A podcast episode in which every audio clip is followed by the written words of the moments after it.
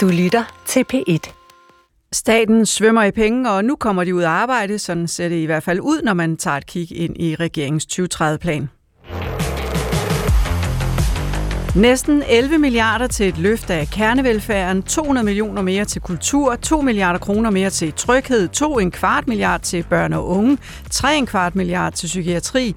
Det er bare nogle af regeringens løfter om penge, der skal sikre tryghed og udvikling af kernevelfærden i Danmark de næste 6-7 år. Det står der i hvert fald i regeringens 2030-plan. Du lytter til Følg Pengene. Jeg hedder Mette Simonsen. Vi vender ugens vigtigste historier og ser på, hvad de betyder for dig og din økonomi og for det samfund, du lever i. Og med i studiet har jeg Karl Johan Dalgaard, overvismand og professor ved økonomi ved Københavns Universitet. Velkommen til. Mange tak. Du ved jo virkelig meget om økonomi i alle mulige former, men beskæftiger dig mest med vækstteori, udviklingsøkonomi og makroøkonomi, står mm. der på universitetets hjemmeside. Hvad vil det egentlig sige? Jamen, jeg interesserer mig for, hvorfor der er nogle lande, der er rige og nogle, der er fattige, øh, og hvad man eventuelt kunne gøre ved det, hvis man nu fik lyst til det. Og hvad er det egentlig ved økonomi, som, som tiltrækker dig? Nå, men et eller andet sted, så kan man sige, at den type af samfund, vi har levet i herhjemme i de sidste 150 år, er jo ganske unik i menneskehedens historie, fordi vi har set de der kolossalt stigende, øh, den der kolossalt stigende velstand. Og altså, det meste af menneskets historie har man jo slet ikke noget sammenligneligt. Så det er jo et af de store spørgsmål inden for, for min branche, det er, hvor kom væksten fra?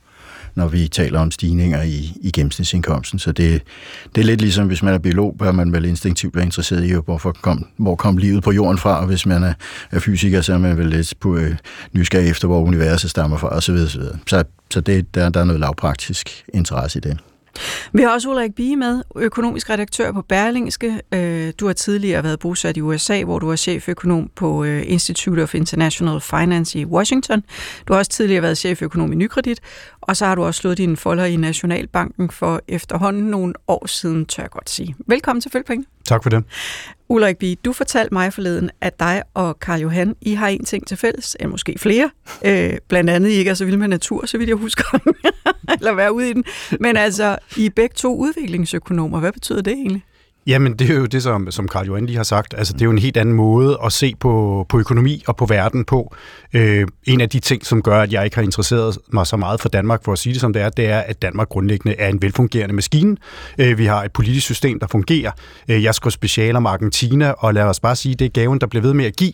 Men det er jo også spørgsmålet om det her med, at man kan se ting, der er sket, og ting, der er gået galt, og ting, der er gået godt. Og hvad kan vi lære af det i andre sammenhænge? Øh, og det synes jeg er enormt spændende og enormt fascinerende. Verden derude, der sker der er jo stadigvæk kæmpe succeser rundt omkring. Hvorfor bliver nogle lande succes, og andre lande en fiasko? Det er sådan helt grundlæggende det, der driver mig. Det gælder jo så også inden for EU, hvor vi jo elsker at kalde os selv for forgangsland. Vi kan også lære rigtig meget af andre. Men der er jo nogle ting også herhjemme, hvor de der fundamentale ting, og det synes jeg bare er enormt spændende og fascinerende. Så det der med, hvad sker der, hvis man skruer på en økonomisk skrue, hvad sker der så? Almo, Jamen, de lande, vi beskæftiger os med, der er så meget usikkerhed at øh, for eksempel sådan noget som politik fylder ekstremt meget i mit univers, og har altid gjort det, fordi lande, man interesserer sig for ude i verden, at det politiske betyder noget. Det betyder det lige pludselig også noget i Vesten, med de store spændinger, vi har også med forhold til Kina. Og det er ikke noget, vi har været vant til. Vi har været vant til sådan en steady state-maskine, hvor man drejer lidt på nogle små knapper, ikke? og så får man resultater, så går det nok sådan. Og nu går det helt modsat nogle gange, fordi verden bare er anderledes, end den har været tidligere. Vi skal til det. Pengeregnen for penge, vi måske har. Jeg har øh, faktisk virkelig glædet mig til at sende regeringens 2030-plan gennem øh, jeres øh, udviklingsfilter her. Men lad os lige høre, hvordan det lød, da finansminister Nikolaj Vammen fremlagde regeringens øh, plan forleden dag. Goddag til alle sammen. Jeg er rigtig glad for i dag på regeringens vegne at kunne præsentere vores øh, 2030-plan, hvor vi øh, blandt andet øh, kan sige, at vi kan investere minimum 32 milliarder kroner ekstra i velfærden i de kommende år.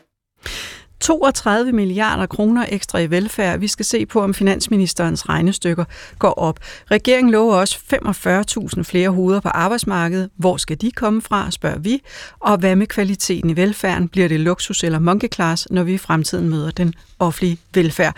Karl Johan Dalgaard, regeringen sender penge i mange retninger, blandt andet altså de her 32 milliarder mm. efter velfærden frem mod 2030. Lad mig først lige høre, hvor mange, altså er, er det nye penge det hele? Altså det er en udmyndning af det råderum, som vi har snakket om i et stykke tid. Altså det er det, der er det, kan man sige, det nye på en eller anden måde. Det, der bliver fremlagt, det er, hvordan skal man de her penge, som der nu er mulighed for at bruge under hensyntagen til, at man skal overholde budgetloven, og man skal have holdbare finanser og sådan noget, øh, frem mod 2030, hvordan skal man så fordele de penge på forskellige områder? Det er det, som, som 2030-planen, så at sige, ligger frem for os. Mm. Altså, nu ser du råderum. Har vi så pengene? Altså, øh, rådrum er jo noget, som bliver... Det lyder jo som om, at så ligger de på det, en det, det er ikke sådan, at de ligger i en, i en cigarkasse inde i Finansministeriet, og så kan man bare begynde at dele ud af det. Men det er dybest set jo det, der forventes at være til rådighed frem mod 2030, øh, givet tingene, som de ser ud nu. Og når du siger forventes at være mm. Til rådighed, så bliver jeg jo sådan lidt bekymret. Ja. Altså, hvad vil det sige, at de forventes at være der? Jamen, I det øjeblik, at du skal opgøre et råderum, så skal du, det starter jo dybest set med, at du har besluttet dig for en saldo i et slutår. Og det her tilfælde har et flertal i Folketinget jo sagt, at vi vil gerne prøve at sigte efter et underskud på en halv procent af BNP. Og det næste, du så kan gøre, det er, at du kan begynde at danne dig en forventning om, hvordan indtægterne vil udvikle sig øh, frem mod det slutår.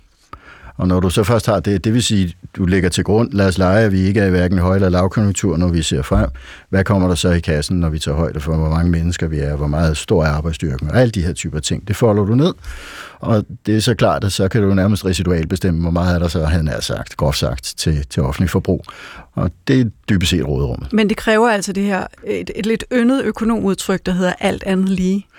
Altså man skal bare vende sig til, at at det, som politikere omtaler som rådrum, det er så at sige et bevægeligt mål. Det er bevægeligt i forstanden, og selvfølgelig når du rykker tættere på et slutår i en mellemfristet fremskrivning, øh, altså frem mod 2030, så alt andet lige, så burde det skrumpe jo, fordi vi er kommet tættere på, og vi har brugt nogle af pengene, og desuden så kan det jo flytte sig, hvis vi lærer noget omkring omverdenen, som i de sidste par år har været nogle positive ting, for eksempel at arbejdsstyrken er lidt større, end hvad vi troede.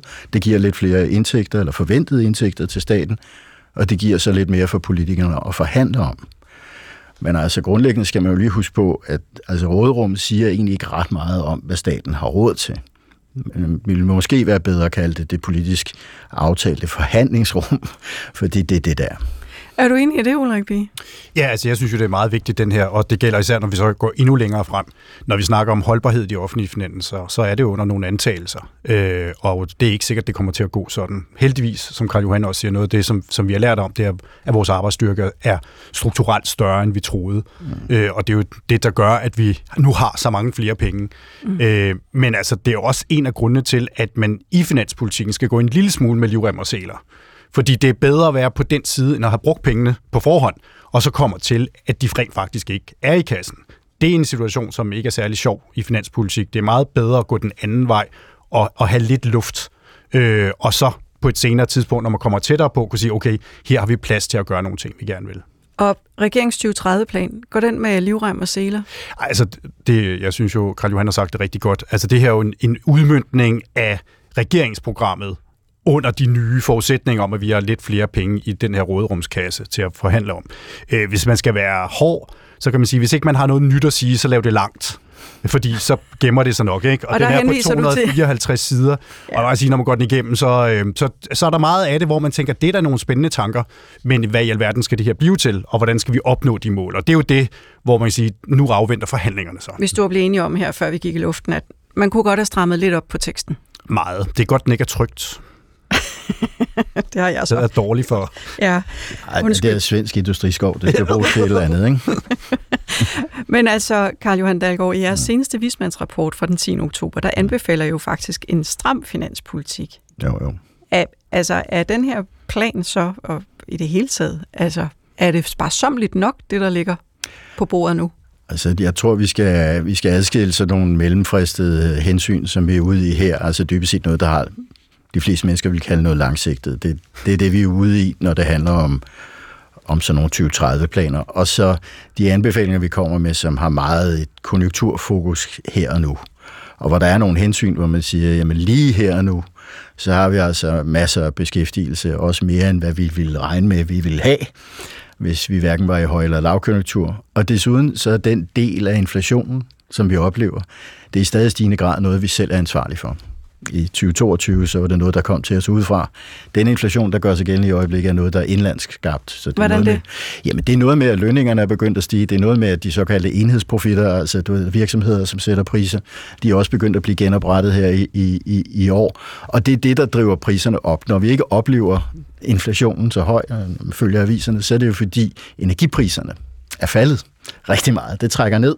Men hvis man ikke havde det, og det er ikke meget, vi bestemmer over oliepriserne i Danmark. Nej, det, det, det gør vi ikke, og, og, og det korte og lange det er bare, hvis man ikke har den medvind, kan man sige, så vil inflationen også ligge på et andet niveau, end den aktuelt tilsyneladende gør, når man er almindelig dansker, ikke normalt menneske, som bare følger med i, hvad priserne stiger samlet set. Ja. Og det, den samspil, det samspil, altså vi skaber mere inflation selv, og vi har rigtig meget beskæftigelse, det er det, der gjorde, at med vores prognose i ryggen, at vi sagde, det er måske bedst, at man holder lidt igen med finanspolitikken.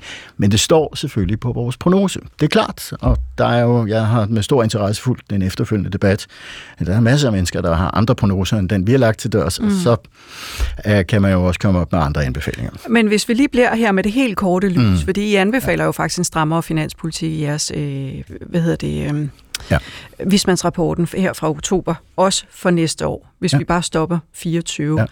Er, er det fordi, du er bange for, at det kan godt være, at inflationen er faldet lidt nu, men at der ikke rigtig er styr på den helt endnu?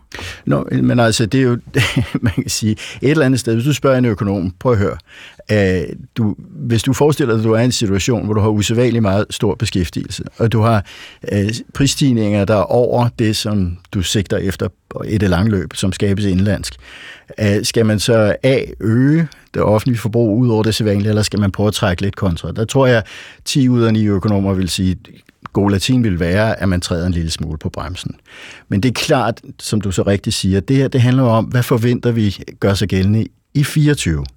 Og vores prognose tilsiger, at det, jeg lige har beskrevet, det gør sig gældende i 24. Det er derfor, at vores anbefaling på den baggrund er at sige, så lad os trække lidt modsat. Men der er andre, der også har vurderinger af den slags, som vil sige, nej, men vi er allerede ved at begynde at trille ned ad bakker, det kommer til at gå rigtig stærkt næste år.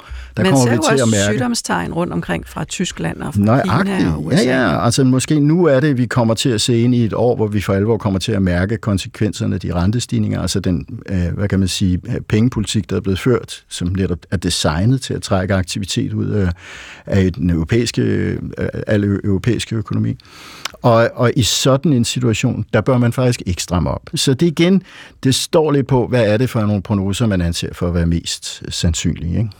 Og jeg går ud fra, at du øh, hælder mest til din egen. Nå, men det ville jo være mærkeligt, hvis, hvis, hvis vi ikke gik ud og, og lavede anbefalinger. Der stod på den prognose, jeg lavede, så kunne vi lige så godt lade være med at lave den. Ja. Men vi skal også anerkende, at der er i øjeblikket usædvanligt stor usikkerhed. Altså kvæg det, vi har gået igennem her de sidste par år. Mm det, det, det, det hører med til fortællingen.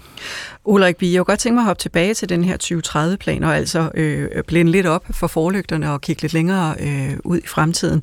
Vi hørte jo lige finansministeren sige, at regeringen sender 32 milliarder kroner afsted for at løfte velfærden, men formanden for kommunernes landsforening, Martin Dam, han er venstremand, sagde forleden til Jyllandsposten, at i bedste fald, så kommer danskerne til at møde en velfærd, som den var i går, og i værste, værste fald ringere. Og så siger han, det er i hvert fald, eller han er i hvert fald citeret for at sige, det er i hvert fald ikke et kvalitetsløft af velfærden, vi ser med denne plan.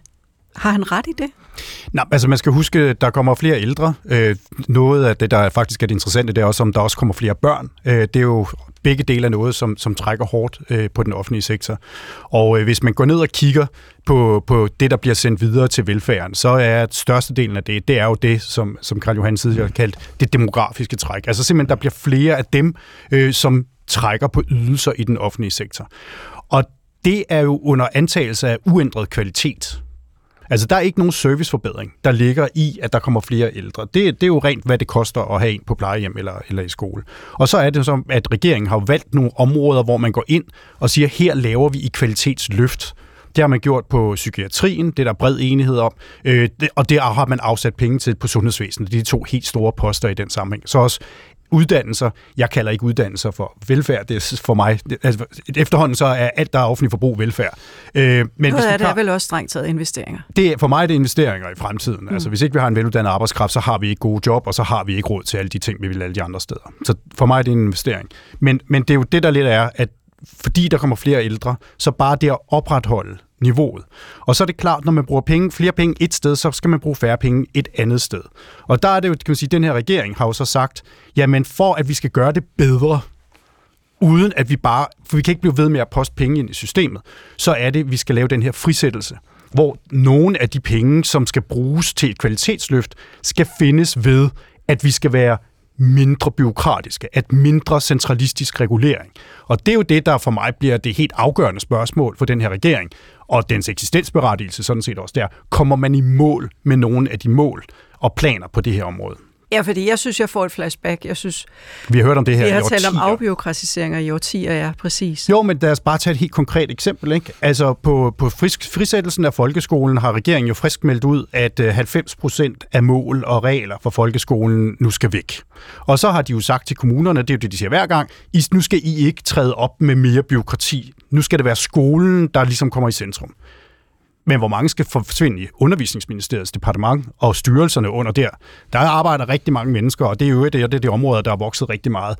Hvis ikke der kan forsvinde folk i den statslige administration på et tidspunkt, hvor man fjerner 90 procent af mål og regler, jamen det må være lakmusprøven på, om man mener det, eller om det kun er alle de andre, der også skal levere. Karl Johan Dalgaard, hvad mener du står i vejen for den her afbyråkratisering, som vi har talt om i årtier? Nå, det ved jeg ikke, men altså, man kan, fordi det er jo ikke noget, som vi som sådan øh, botaniserer i, også ud fra en betragtning om, at når vi laver holdbarhedsberegninger og andet, så er det jo ikke noget, som på nogen måde garanterer, om kvaliteten er uændret eller, eller kan stige eller sådan noget. Det er slet og rette spørgsmål at sige, er det muligt for staten at bruge penge og opkræve penge fremadrettet, som det har gjort i fortiden. Hvad de penge så bliver til i form af oplevet borgerkvalitet, er noget, der ligger så at sige udenfor. Så der vil altid være et behov for at have de der diskussioner om, hvordan får vi mest muligt for pengene, og hvordan får man eventuelt også mindst mulige omkostninger for, skal vi sige, at udføre den service, som man nu engang vil levere. Men man kan måske skære det, for at komme tilbage til dit spørgsmål, Altså det, som du også sagde, det er jo en samtale, vi har haft siden, så længe jeg kan huske tilbage, og fuldt tv-avisen. Altså jeg kan i hvert fald meget klart mindes på Sytter, så snakker Operation om Regelstorm. Ja, lige præcis, og det er, lidt det, det, det er lidt det samme, tror jeg. Altså det, filosofien har igennem alle de år jo lidt været, at man tænker på offentlig administration lidt som, jeg ved ikke, nullermænd, eller hvad man skal sige, der ligesom kommer ud af en ting til synligheden, og så skal man tømme lommen en gang imellem.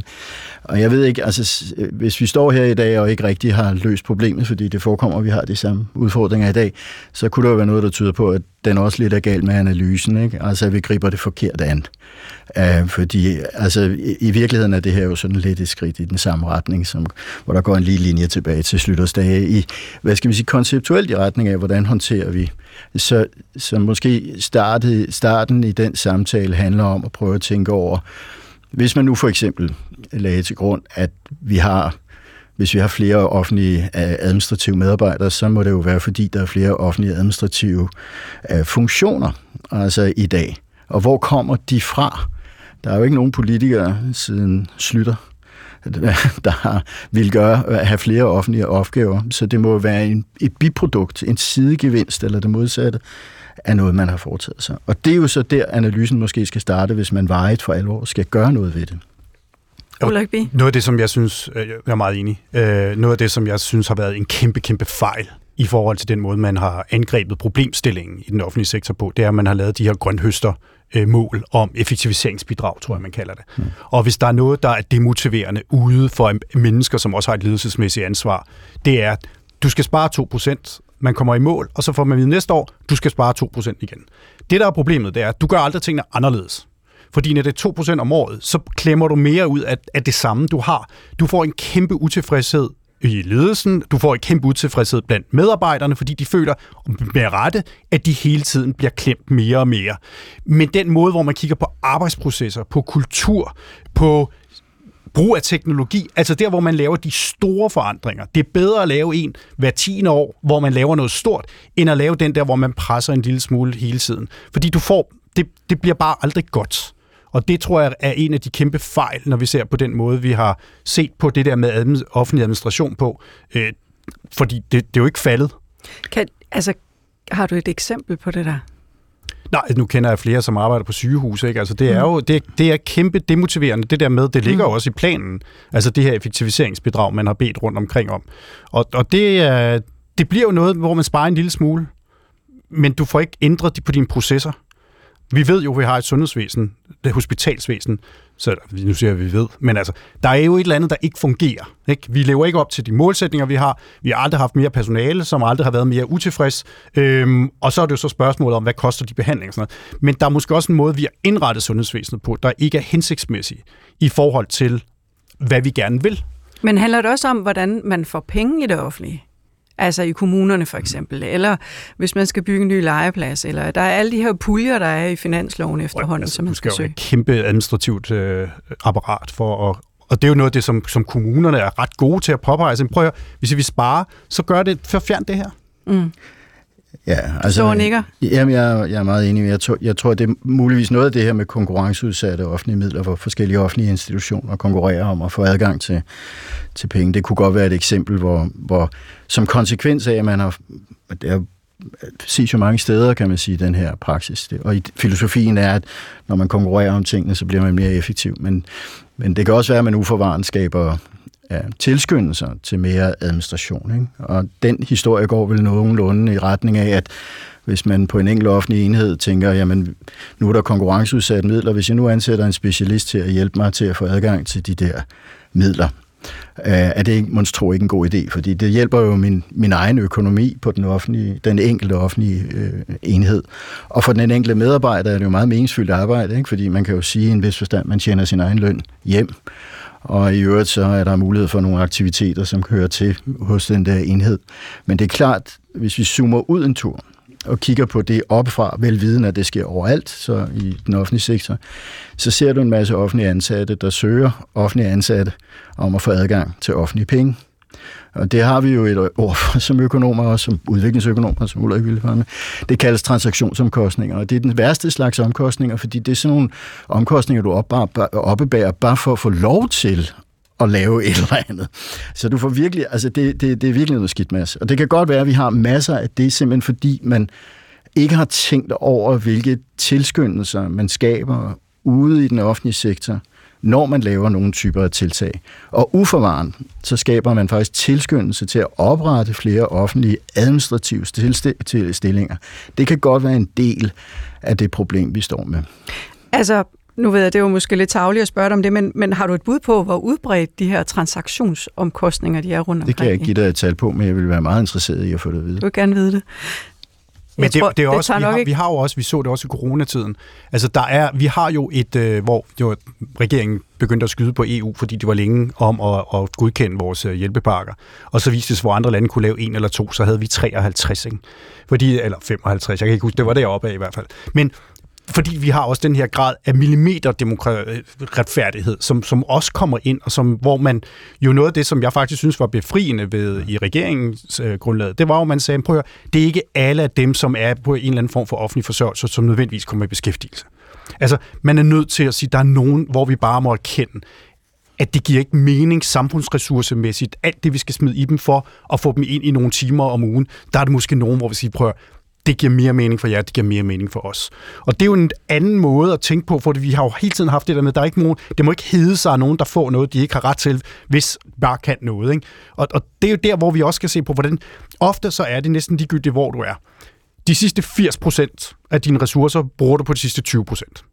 Sådan er det også, når du skal skrive en opgave. Ikke? Altså der, der, så der er rigtig meget tilskyndelse til, at hvis du har den der nulfejl, det gælder også i, i virksomheder. Jeg har arbejdet i en nulfejlsvirksomhed, og øh, det var helt åbenlyst. Vi brugte enorme ressourcer for at udrydde de sidste 20 procent af fejl. Mm. Og i det øjeblik, vi lige slækkede en lille smule på det, så kunne vi frigøre rigtig, rigtig meget tid. Øh, og det er jo noget af det, som nu har jeg været i den private sektor i mange år, ikke? det er jo præcis noget af det, som gør, at man er effektiv. Man er nødt til at sige, hvad kan vi nå med de ressourcer, vi har? Øh, og det er en anden måde at tænke på, som jeg tror, at man måske kunne med fordel give større arbejdsglæde, men også lette noget administrativ byrder. Jo, men det illustrerer jo også godt kompleksiteten, når det gælder den offentlige sektor. Ikke? For man kan sige, det der med nulfejlskultur, tror jeg er sådan et udbredt øh, synspunkt, som man skyder til, netop skyder på banen. Ikke? Men, der er vel men, også nogle steder, men, hvor at Altså, ja. hvor man er lidt nødt til at gå efter nulfejl. Jo, jo, absolut, men på at høre, det er der også i en privat sektor. Hvis du producerer øh, fly, det er altså rigtig dårligt for ja. din virksomhed, hvis flyene falder ned. Ikke?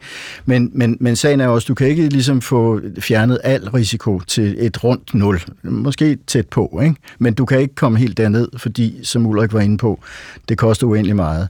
Men, men sagen er jo bare, hvis du lavpraktisk, hvis du trods alt er politiker, og du sidder, du er ansvarlig for et eller andet område, det er jo sådan set kun én historie på forsiden af Ekstrabladet, som kan gøre din karriere et eller andet sted, måske offentligt set i forhold til det, altså rent demokratisk, er, at så er du død, eller hvad man skal sige. Ikke?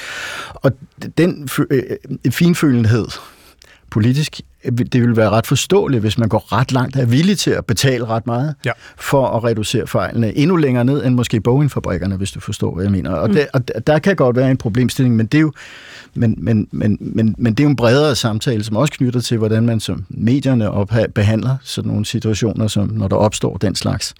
Uh, og selvfølgelig også, hvordan man politisk reagerer på det. Men, ja. men det kan også være meget omkostningsfyldt. Meget enig. Du sagde et ord lige før, som jeg sådan... Øh, du sagde det også til mig sidste uge, da vi talte mm. sammen, som jeg sådan har gået tykket på, og det er det her ord tilskyndelse. Mm. Er det det, der er nøglen til ligesom at nå i mål med den her afbiokratisering? At man, at man kigger noget mere på, hvad tilskyndelse, hvad man egentlig gør, hvad man tilskynder til, når man laver forskellige greb?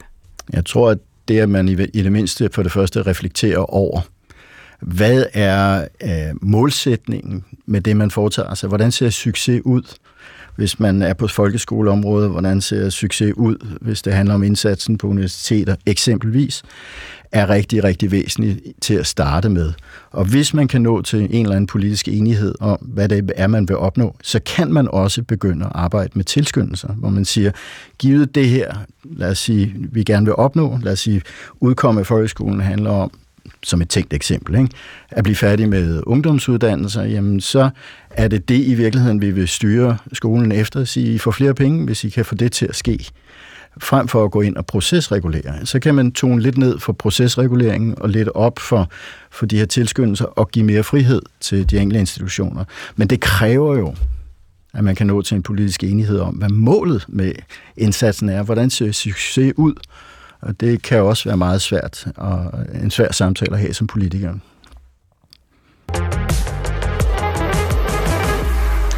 Du lytter til Følg Pengene, hvor vi i dag sætter fokus på de politiske udmeldinger om lavere skat og flere i arbejde, som regeringen kom med i den forgangne uge. Til at hjælpe os har jeg øh, Karl Johan Dalgaard, professor i økonomi ved Københavns Universitet og økonomisk overvismand, og så er Ulrik Bie, økonomisk redaktør fra Berlingske, med en fortid blandt andet som chef økonom i Nykredit og Nationalbanken for længe siden efterhånden. Jeg står her med et øh, faktaark fra Finansministeriet, der viser, at arbejdsudbuddet skal øges med det, der svarer til 45.000 fuldtidspersoner i 2030. Aflysningen af Stor Bededag skal levere 8.500 fuldtidspersoner, Omlægningen af kandidatuddannelsen skal levere 4.600, og så skal vi hente, hvad der svarer til 4.500 flere arbejdstagere uden for Europa. Alt sammen i 2030. Karl Johan Dalgaard, øget arbejdsudbud, hvor øh, gode hvor gode er økonomer til at ramme rigtigt, når de regner på, hvor mange ekstra hænder en given ændring giver? Nå, men altså, det er klart, det er jo altid sådan, når du sidder og laver beregninger, så vil der altid være usikkerhed ved den slags. Og nogle gange så kan usikkerheden være særlig stor. Altså eksempelvis, du, hvis du ikke har nogen konkrete historiske fortilfælde, du kan bygge dine beregninger på. Så, så den kan nogle gange være ret stor, og det betyder, at du kan ende med at få langt flere eller langt færre end det, du regner med, når du sidder og laver de her beregninger. Det der skal jo opfattes som et forsøg på at frembringe et slags middelret skøn. en forventning, som er tålelig plausibel. Ikke? Og det er så det, man kan diskutere. Men det er klart, der er en varians. Det kan gå bedre, det kan gå værre, og den kan godt være stor. Og hvordan følger man egentlig op på sådan nogle tal efterhånden, som det viser sig, om, om det bliver flere eller færre? Nå, men altså et eksempel kunne jo være, da vi tilbage i 06 eller så lavede øh, velfærdsreformen, hvor man begyndte at leve eller øh, justere øh, tidspunktet for pensionsalder. Så lagde man jo nogle forudsætninger ind om, hvordan vi danskere ville reagere på det. Altså i forstanden, du ved, hvor, hvor meget forlænger vi vores arbejdsliv hver gang man sætter pensionsalderen op på den her façon.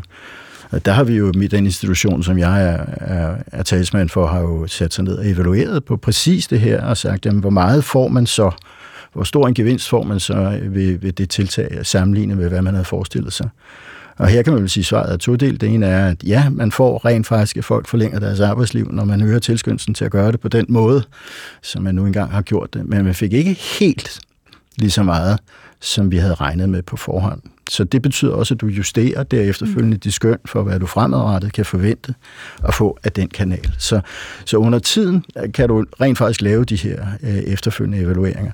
Men det er klart, der er også nogle typer af tiltag, som er rigtig svære at evaluere, hvis det er noget, som rammer samtlige borgere på en og samme tid. Stor bededag for eksempel. Altså det er svært at finde en kontrolgruppe, ikke? Ja. Og, og dermed så er det svært at evaluere. Men jeg vil nemlig gerne lige dykke ned i de her tal, og nu siger du stor bededag. Nå ja, så, men det var bare... Ja, men altså, fordi der har jo faktisk været meget fokus på... Mm. Øh, altså, så, så uden at bruge alt for meget tid på det, mm. måske vil jeg lige høre, ja, hvor sikre kan vi så være på, at arbejdsudbuddet bliver ved med 8.500 fuldtidsstillinger i 2030, som følge af, at stor bededag er afskaffet? Jamen, det er så måske et eksempel på noget, hvor det er ekstra usikkert, fordi vi ikke har noget evidens, der siger noget om, af de vedvarende effekter af sådan en manøvre. Det bedste, vi kan gøre, og det som Finansministeriet har gjort, det er jo at kigge på sådan nogle midlertidige ændringer i antallet af helligdage, og hvad slags forbigående effekt det har på arbejdsudbuddet. Um, altså det er jo det der med, at der er nogle år, hvor der er helligdage, der falder på en søndag, og så kan man sige, hvordan har det arbejds, slået? Arbejdsgiver ja, lige, lige præcis, ja. ikke? og det, det kan måske, det kan sandsynliggøre sådan noget som 8.500 eller sådan et eller andet her og nu, eller hvad man skal sige, fordi mm. de fleste af os kan ikke tilpasse os øh, fra den ene dag til den anden, men, men, men man kan sige, at spiller chancer vil jo nok, de fleste økonomer vil nok vende, at vi, vi prøver at tilpasse os. Og, og spørgsmålet er, hvordan er nu effekten, hvis vi er interesseret i, at man permanent fjerner en helligdag? Hvad er så effekten på det permanente arbejdsudbud? Det er et andet spørgsmål end det, man kan besvare, når man sidder og kigger på midlertidige ændringer i helligdage og midlertidige effekter på arbejdsudbud. Mm. Så der er bare stor usikkerhed, det skal vi være ærlige at sige.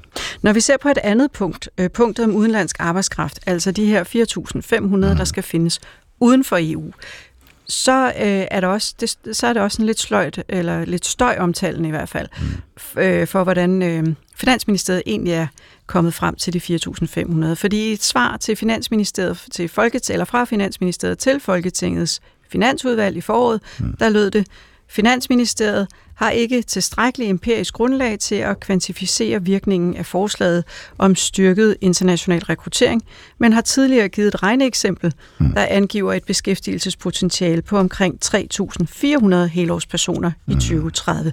Altså et regneeksempel, der ligger et stykke lavere end det, hmm. Finansministeriet nu her seks måneder senere anslår som sandsynligt. Mm. Og i det nye faktaark, der står der så i en note, øh, Ja, den kan jeg ikke lige finde. Jeg har den liggende et sted her på bordet. Øhm, der står der i en note, at den skønnede beskæftigelsesvirkning vil blive uddybet og dokumenteret i en kommende økonomisk analyse fra Finansministeriet om regneprincipper for beløbsordningerne. Så er det, jeg står og undrer mig over, hvorfor Finansministeriet, altså hvorfor i alverden har de ikke bare allerede nu gjort redde for, hvordan de er kommet lige til de her 4.500. For det kan jo godt lyde som om, at der bliver skudt en lille smule i blinden med at lære respekt, for jeg er ikke i tvivl om, mm. at der sidder dygtige folk i Finansministeriet. Men hvor seriøst kan man egentlig tage sådan et tal 4.500 fra, øh, fra folk uden for Europa, Ulrik Bie? Altså du kan sige, uden for Europa er det, har du større muligheder et eller andet sted for at gøre det, fordi man skal, det er jo spørgsmål om de regler, der er for, at man kan vandre ind i EU. Så derfor så kan man sige, her kan man lave nogle særskilte ordninger, øh, hvor man siger, at vi vil have prøve at få øh, 3.000 sygeplejersker fra et eller andet land. Eller sådan noget. Så på den måde skal jeg sige, uden for EU, der kan man lave en indsats. Det interessante er jo sådan set ikke uden for EU, når vi snakker om vores strukturelle beskæftigelse og arbejdsmarked. Det er jo sådan set, hvad der kommer fra EU. Øh, og der er det jo simpelthen et spørgsmål om, at der er nogen, der vandrer ind, hvis de har interessante, interessante forhold øh, i Danmark. Så, så det er mere, mest EU, hvor man uden for EU, at man kan lave en indsats. Men jeg vil godt lige tilbage til ja. det her med formuleringerne fra Finansministeriet, for ja. man kan jo godt blive lidt i tvivl om, hvad, hvad er hovedhale i det her tal? Ja, men det er, det er et eksempel på et område, hvor der rent faktisk ligger noget forskning og hvor man har mulighed for at lave nogle egentlige evalueringer, som siger, at hvis vi lemper de her regler, for vi har også gjort det før, øh, hvor meget slår det så igennem? Hvor meget ekstra arbejdskraft kommer der så netop uden for EU til Danmark, og hvor meget slår det ud i beskæftigelse? Men igen, hvordan man lige omsætter det til, i detaljen til regnereglen, ja, det som du også læste op, så kræver det lige at blive dokumenteret. Så jeg, jeg skal gerne medgive, at min mavefornemmelse umiddelbart vil være, at det, det lyder som et meget stort tal, fordi hvad, der er vel 5.000 på ordningen i dag, så hvis man skal have 4-5 oveni, så det er jo en stor stigning et eller andet sted. Men, men igen, uden at have set den konkrete beregning, ja, så, så er det svært for mig at sige, om jeg synes, at, mm. at spillerchancer taler for, at vi rammer det, men det kan godt være, ikke? Og, og pointen er bare, at her har du et eksempel på noget, hvor du rent faktisk har noget fagfaglig viden, som du kan bruge til at lave den slags opregninger. Så, så ja, altså, det er ikke totalt skud i blinde, men det er svært at kommentere på, når man ikke har set beregningen. Det lyder stort. Vi må nøjes med at glæde os til at se den her ja, beregning. Ja, bestemt. Stor spænding. Øh, et andet sted i afdelingen for øget arbejdsudbud øh, fra kommende reformer, der kommer 12.000 fra det, der hedder potentiale for at øge strukturel beskæftigelse. Det ja. dækker primært over unge, der i dag hverken er i job eller uddannelse og ikke-vestlige indvandrere. Men 12.000, det lyder i mine ører som et pænt stort tal. Hvad siger ja, til det? Ja, men det er det jo også. Men prøv at høre, der er, der er tre kategorier, kan man sige, inden for det der, de der 45.000, som nu bliver, man regner op til. Ikke? Den første kategori, det er ting, som er vedtaget. Det er sådan noget som stor bededag, og der kan vi diskutere i sig selv, hvor stor er beskæftigelsesvirkningen. Så er der ting, som vedrører noget, hvor, vi, hvor der ligger forslag. Det kunne for eksempel være noget med SU-reformer eller skattetiltag, som vi lige aktuelt diskuterer eksempelvis. Det kan man så også diskutere på i forhold til det forslag, der er lagt frem. Men vi ved ikke jo egentlig, hvad der bliver vedtaget til syvende og sidst. Og så er der den tredje kategori, som er, som du også beskriver, potentiale, og hvor vi egentlig ikke rigtig... Altså, der er vi måske lidt over i kategorien fugle på taget. Ikke? Nu må vi se, hvad det... Altså, det er ikke udmyndtet. Altså, vi ved jo ikke... Ulrik, han står vi, kan jo, vi kan jo ikke regne på det. Altså, så, så man kan sige, ud af de 45, så er det vel to tredjedel, hvor det er muligt at regne et eller andet sted, fordi der ligger nogle, i det mindste et forslag, så man ved, hvad det er, der potentielt bliver gennemført. Men selv på det skal man jo så være, være ærlig og erkende, at der er usikkerhed på det man så ender med at regne sig frem til. Men, hvad er det så præcis, man bruger de her tal til? Hvad skal man bruge dem til? Og man skal jo vise, at altså, arbejdsudbud er den nye valuta i dansk politik, og har jo øvrigt været det i mange år. Øh, og det er der jo øh, altså, en af de ting, som regeringen blev kritiseret for, da, da regeringsgrundlaget kom, det var jo, at man ikke var særlig ambitiøs i forhold til arbejdsudbud. Det, man skal huske, det er, at øh, Karl Johan nævnte det også tidligere, altså øh, tilbagetrækningsreformer er der, hvor du får rigtig mange det, det er virkelig der, du får de store kategorier. Og hvad har den her regering gjort? Jamen, det er jo sådan set, de havde annonceret en reform af tilbagetrækningsområdet, øh, som de nu har besluttet sig for ikke at gå... Øh, den gjorde for ondt. Den gjorde for ondt, og det vil jo have øget arbejdsudbud. Ikke? Så det, det er jo en af dem, som de nu skal kæmpe mod. Øh, det som, altså hvis du kigger på det, så kan du sige, at der er to ting, der har overrasket os øh, på arbejdsmarkedet de senere år. Det ene, det er ikke-vestlige indvandrere, mm. som er kommet ind i større omfang end forventet. Mm. Det er jo en, en vanvittig positiv historie for samfundsøkonomien og for de individer, som har fået et fast øh, ben på arbejdsmarkedet. Og meget af det skyldes, når tror jeg også, coronatiden. Øhm, og, og det er, det er en, en strukturel forandring. Og det andet, vi kan se, og jeg vil da sige, når vi står her i 2030, og hvis ikke vi har haft en øh, ny finanskrise kombineret med depression, kombineret med alt muligt andet, så vil jeg ikke være overrasket, hvis det, der er kommet ind af udenlandsk arbejdskraft fra EU, ikke bare har et nul på i forhold til de 4.500, øh, men øh, hvor du ganger op med en del del. Mm. For vi kan se, at halvdelen af beskæftigelsesvæksten det seneste år er udlændinge.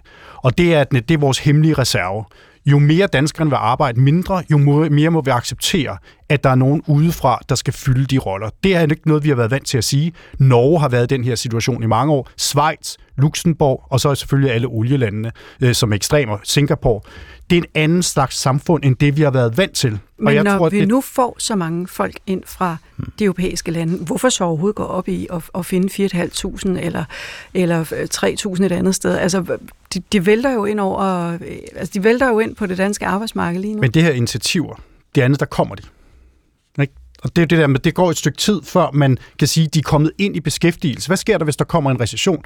Rejser de så alle sammen hjem igen? Og det er jo der, hvor vi siger, der går forskellen på, at det er konjunkturelt bestemt. Hvornår bliver det så en strukturelt bestemt? Hvornår bliver de her? Hvor mange af dem bliver her? Hvor mange ukrainere kommer til at blive her? For de kommer også til at give et permanent løft til arbejdsstyrken. Men vi kan ikke sige noget om, hvor mange det er på det her tidspunkt. Nej, men man kan sige, det er lavpraktisk, når du spørger til, hvorfor er det arbejdsudbud er er det nye sort, havde han sagt, mm. eller den nye valuta, eller hvordan det nu udtrykkes. Det fører os jo lidt tilbage til noget af det, vi talte om fra begyndelsen, som er det her rådrum. Fordi hvis det nu er sådan, at du pludselig står i en situation, hvor der er blevet skabt et, øh, en større arbejdsstyrke, forhåbentlig på en måde, som ikke har kostet staten nogen penge, kan du sige, jamen så er du faktisk i en situation, hvor netop rådrummet er blevet forøget. Og det betyder lavpraktisk, at der lige pludselig er mere at forhandle for landets beslutningstagere, øh, for landslov eller andre steder, og dermed så bliver det på den måde at forstå måske lidt mere interessant at være politiker. Det, der kan være udfordringen nogle gange, det er, hvis man prioriterer øh, tiltag, som øger arbejdsudbuddet og derigennem rådrum, men samtidig måske kan have negativ indvirkning på produktivitet og værdiskabelse i samfundet. Fordi balladen er, og nu bliver det jo en lille smule langt, men altså, hvis du øger produktiviteten her i samfundet, så er det ligesom den singulære væsentligste årsag til, at vi bliver mere velstående over tid som borgere og som samfund og sådan noget. Men statskassen tjener ikke særlig meget på det, fordi på den ene side, så får du måske mere højere lønninger ud af det, men på den anden side, så de højere lønninger over i den private afdeling, det skal så også bruges på offentlige, øh, offentlige øh, lønninger og på overførselsindkomster, så der står nogenlunde nul. Så produktivitetsfremmende initiativer har ikke den samme attraktion iboende for politikere, fordi det påvirker ikke, hvor meget der er at forhandle om. Men arbejdsudbud, hvis du kan skabe sådan et, så åbner det lige pludselig døren til, at der er mere at handle om. Og det kan måske nogle gange give skal vi sige, en, en, en særlig form for fokusering på lige det område, frem for andre, der måske udefra betragtet er væsentligere for samfundet som en helhed. Og lad mig adresse mig til at bruge ordet tilskyndelse her. ja, det, det, det, det, giver en tilskyndelse, det giver en tilskyndelse i den forkert, retning. Ikke? Forkert, incitament, ja. forkert incitamentstruktur. Det er ikke ideelt familie, ja. Det er rigtigt. men, øh, men Karl Johan Dahlgaard, vi, altså, I vismænd følger jo øh, med jævn mellemrum op på, hvordan det er gået med bestemte reformer. Kan du sætte nogle ord på, hvor, hvor hvor gode embedsværket egentlig generelt er til at ramme inden for skiven, når man regner på arbejdskrafteffekter? Nå, hvis vi havde stået øh, og haft en samtale øh, ved, ved indgangen til, til i år, så havde man, der ville ikke været, så havde vel været meget klar i talen i retning af, jeg synes, at man gør det bedst tænkelige, og jeg synes, at man gør et stort stykke arbejde netop for at ramme så præcis som muligt. Mm. Nu har det, det, hele det der store bededag palaver har måske ødelagt lidt billedet, eller menneske min troværdighed, når jeg, hvis jeg priser alt for meget, men, men, men jeg mener altså ærligt talt, at, at man i udgangspunktet gør det det, bedste, man nu kan. Men, men der er altså udstår et større stykke arbejde i retning af også at dokumentere. Nu er den institution, som jeg er talsmand for, jo blevet udnævnt til at være regneregelsinspektør her på det seneste, hvor vi skal kigge de her forskellige typer af regneprincipper igennem. Og, og det er klart, det, det, det, det besværliggøres jo af, at der ofte ikke foreligger nogen egentlig samlet dokumentation, som så først skal skabes, før man ligesom kan sige, hvad er det så, der ligger, og så eventuelt kan komme med forslag til, hvordan man kan gøre det bedre. Her er der en politisk udfordring i rent faktisk at give tilskyndelser i embedsværket til, at man prioriterer den indsats, der handler om øh, dokumentation. Mm. Hvis vi så vender tilbage til de 45.000 personer, vi startede med, som øh, jo ligger i, øh, i, 20, i regeringens 2030-plan, altså, hvad tænker I så om, øh, om det tal? Er det realistisk, Karl Johan Dahlgaard? Det ved jeg ikke. Altså, jeg vil sige, to, to tredjedel af tallet er som sagt ting, hvor der ligger enten beslutninger eller forslag. Og der vil jeg så sige, at, at min mavefornemmelse vil være, at de øh, bud, der ligger muligvis har lidt karakter af overkantskøn, men de er ikke umulige. Altså, så jeg, det er ikke noget, hvor, man, hvor jeg synes, man kan sådan affærdigt og sige, det kommer aldrig nogensinde til at ske. Det tror jeg ikke, man kan afvise. Men, jeg vil, men, men der er en vis tendens til, at det er overkantskøn. For eksempel store bededag. Formentlig også, når det gælder udenlandsk øh, arbejdskraft. Det kan også gøre sig gældende på kontanthjælpsområdet, hvor man her ned, laver, øh, sænker ydelserne for folk som unge mennesker, der er langt fra arbejdsmarkedet, og, og håber, det har en netop en tilskyndelse til, at de kommer ud på arbejdsmarkedet, men jeg tror, at spillerchance taler ofte for, at lige den gruppe, de er svære at nå med de her typer af tilskyndelser. Så, så der kan man også være lidt usikker på, om man får den fulde effekt. Men, men, men det er en faglig diskussion, du kan have, og hvor du siger, det er usikre tal. Ikke? Men er den det en sidste... fremning at kalde det vel optimistisk? Jeg vil, jeg vil sige, det er optimistisk, men på den anden side, så tænker jeg også som politiker, så skal man vel også sige, at det, har, det, det er det, man arbejder i. Man bliver nødt til at være optimistisk. Jeg kan ikke sige, at det er overdrevent optimistisk, men jeg kan sige, at de sidste tredjedel af de 45.000, der ligger jo ikke engang et forslag. Så der må man sige, at der, der er vi stadigvæk nok lidt over i kategorien fugle på taget. Ikke? Ulrik B. Og så begynder vi også at, at komme ind i den øh, fase, hvor der er mange, der går på pension. Øhm, og det er jo også derfor, at vi skal bruge flere penge øh, det på det demografiske træk, som vi kalder det. Det, der er jo det store spørgsmål, når vi bare går en lille smule længere hen, det er jo sådan set, at nu begynder de store generationer, der har arbejdsmarkedspensioner øh, og indbetalt hele deres liv, de begynder nu at nærme sig tilbagetrækningsalder. Mm. Og noget af det, når, når jeg bliver helt allergisk, når vi taler om overholdbarhed, altså at der kigger langt frem, så der er alt for mange penge, så er der under nogle antagelser om, at alle har tænkt sig at arbejde til den, ej ikke alle, men langt de fleste har tænkt sig at arbejde til den pensionsalder, som de er blevet tilskrevet. Ikke? Min er 69, øh, når jeg kigger på mine unge mennesker og siger, at I skal arbejde til 74, så ser de helt mærkeligt ud i hovedet. Og det, der er paradoxalt, det er, at vi har aldrig været rigere, end vi er nu. Og øh, vi har en regering nu, hvor statsminister, øh, som går rundt og taler meget om, at vi skal arbejde mere, og vi bryder kontrakten og alt muligt i, i samfundsøkonomien samtidig med, at man sender folk, der ikke er nedslidte på offentlig forsørgelse. Men der ligger jo også i, at jeg må have lov til at disponere over mit liv for mine egne penge. Hvis jeg ikke har bedt om offentlig ydelse, så må vi have den frihed i det her land, at man, hvis man vil bo på Ærø øh, og gå ned i tempo, så har det nogle andre konsekvenser. Det er jo heller ikke alle, der har lyst eller har mulighed for det her. Men jo flere penge vi får, jo flere år vi har indbetalt til arbejdsmarkedspensioner, jo større er muligheden for at man disponerer de sidste år på arbejdsmarkedet anderledes end det, der ligger i vores forudsætninger. Og det er altså noget, der ikke ligger 20, 30, 40 år ude i fremtiden. Det er noget, som virkelig kan, kan ændre på de her regnestykker, hvis folk vælger at sige, prøv at høre, jeg har faktisk penge nok til, at jeg med et nøjsomt liv øh, kan klare mig igennem, fordi jeg vil prioritere anderledes. Og der tror jeg også, coronatiden har ændret nogle af de prioriteringer, som folk har. Og det er noget af det, som er lidt en tækkende bombe under alt det her. Så det bliver, det bliver en af de her usikkerheder, der, der kan rykke på, hvad vi har af penge til at bruge i virkeligheden på velfærd. Ja, eller så skal vi mere udenlandsk arbejdskraft. Eller mere, ja. Okay. Jeg skal bare lige høre helt kort. Altså, hvis man som almindelig borger gerne vil være opmærksom på, når politikerne fremlægger tal om, øh, hvordan fremtiden vil gå, altså er der nogle kontrolspørgsmål, man kan stille til sig selv der? Har en anbefaling. Ulrik Bie, vil du starte med den? Nej, altså jeg synes jo, at for mig, der er, øh, jeg er glad for, at vi har sådan nogen som Karl Johan, der kan oversætte. Fordi for mig er det her simpelthen, altså det er en helt fiktiv verden af fiktive arbejdspladser og, og fiktive penge, der ikke findes.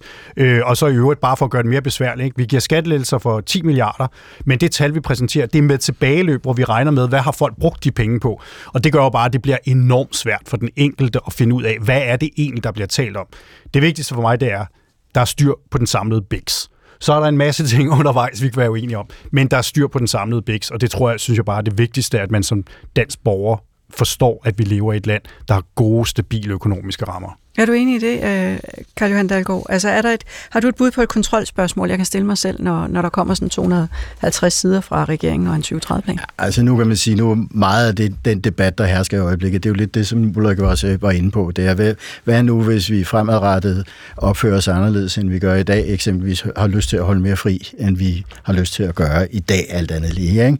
Og der, der kan man sige, når du sådan ser frem, det, altså det er jo ikke nogen særlig velbevaret hemmelighed, at hvis det er sådan, så vi fremadrettet mindsker vores arbejdsvillighed, jamen så øh, gør det ondt på statsfinanserne. Og så kan man sige, frihed, ja, bevares, men det er klart, hvordan vil du imødekomme en sådan, hvis du gerne vil deltage i den debat, så er der jo de, der netop vil sige, jamen folk skal have lov til at arbejde mindre, selvfølgelig, men hvad er det så, der skal give sig i regnestykket? Så er det måske et eller andet med offentlig forbrug, vi skal have mindre af. Og så kunne man spørge sine politikere, hvis det er der, vi er over, hvad er det for nogle typer af offentlig forbrug, du gerne vil have mindre af, så man kan få en fornemmelse af, hvad er det for nogle afvejninger. Det kan være andre, der siger, at vi vil ikke have mindre offentlig forbrug, vi med til gengæld med glæde og kræve nogle flere skatter. Jamen, så vær, vær venlig at sige, hvad det er for nogle skatter, der skal op, så man kan have den type af samtale på oplyst grundlag. Det kan godt være, at man til syvende og sidst når til den konklusion, at man hverken vil have mindre offentlig forbrug eller betale mere i skat, og så kan man sige, så er vi lidt et vanskeligt sted, fordi så er det altså svært også samtidig at ændre adfærden på den mm. person, vi lægger op til her. Så konkretiser, konkretiser. Konkretiser.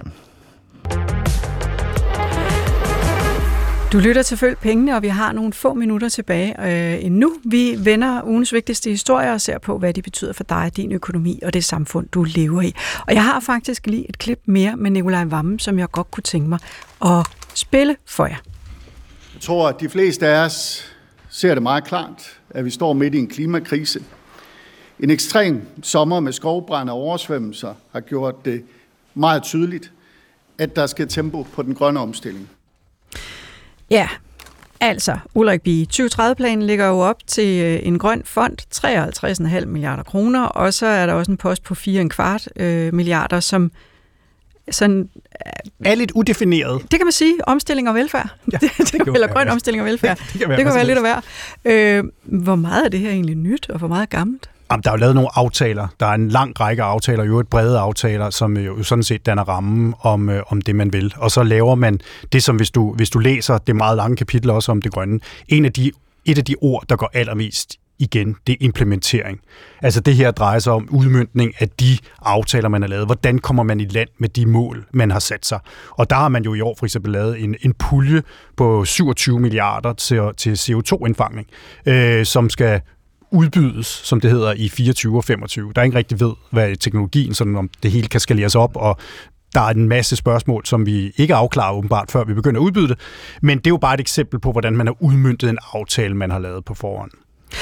Men altså, finansministeren siger jo, der skal tempo på. Altså, han har travlt her. Hvordan kan man se det i 2030-planen? Og det, nu synes jeg, du bliver, du synes, jeg, du bliver meget konkret. Ja, øh, undskyld. man, man, kan, vel, man, kan, vel, man kan vel se det på den måde, at det lader til, at man fortsat ønsker at leve op til klimaloven. Ja. Og dermed så har vi travlt. Det var, det var det korte svar. det var et flot svar. det skal jeg huske. øhm, jeg synes faktisk også, at finansministeren trådte en lille bit smule på bremsen, i hvert fald i forhold til nogle af de stemmer, der gerne vil lukke alt ned, der sviner og helst i går. Prøv lige at høre her. I Danmark skal vi gå forrest på det grønne område. Andre lande skal kunne se på Danmark og tænke, at sådan kan man også komme i mål med klimaindsatsen. Og derfor er det helt afgørende, at vi i Danmark leverer på vores klimamål. Vores indsats skal samtidig sikre de rette balancer. Vi skal træffe valg, der giver reelle reduktioner, og ikke bare flytter udledningen ud af landet.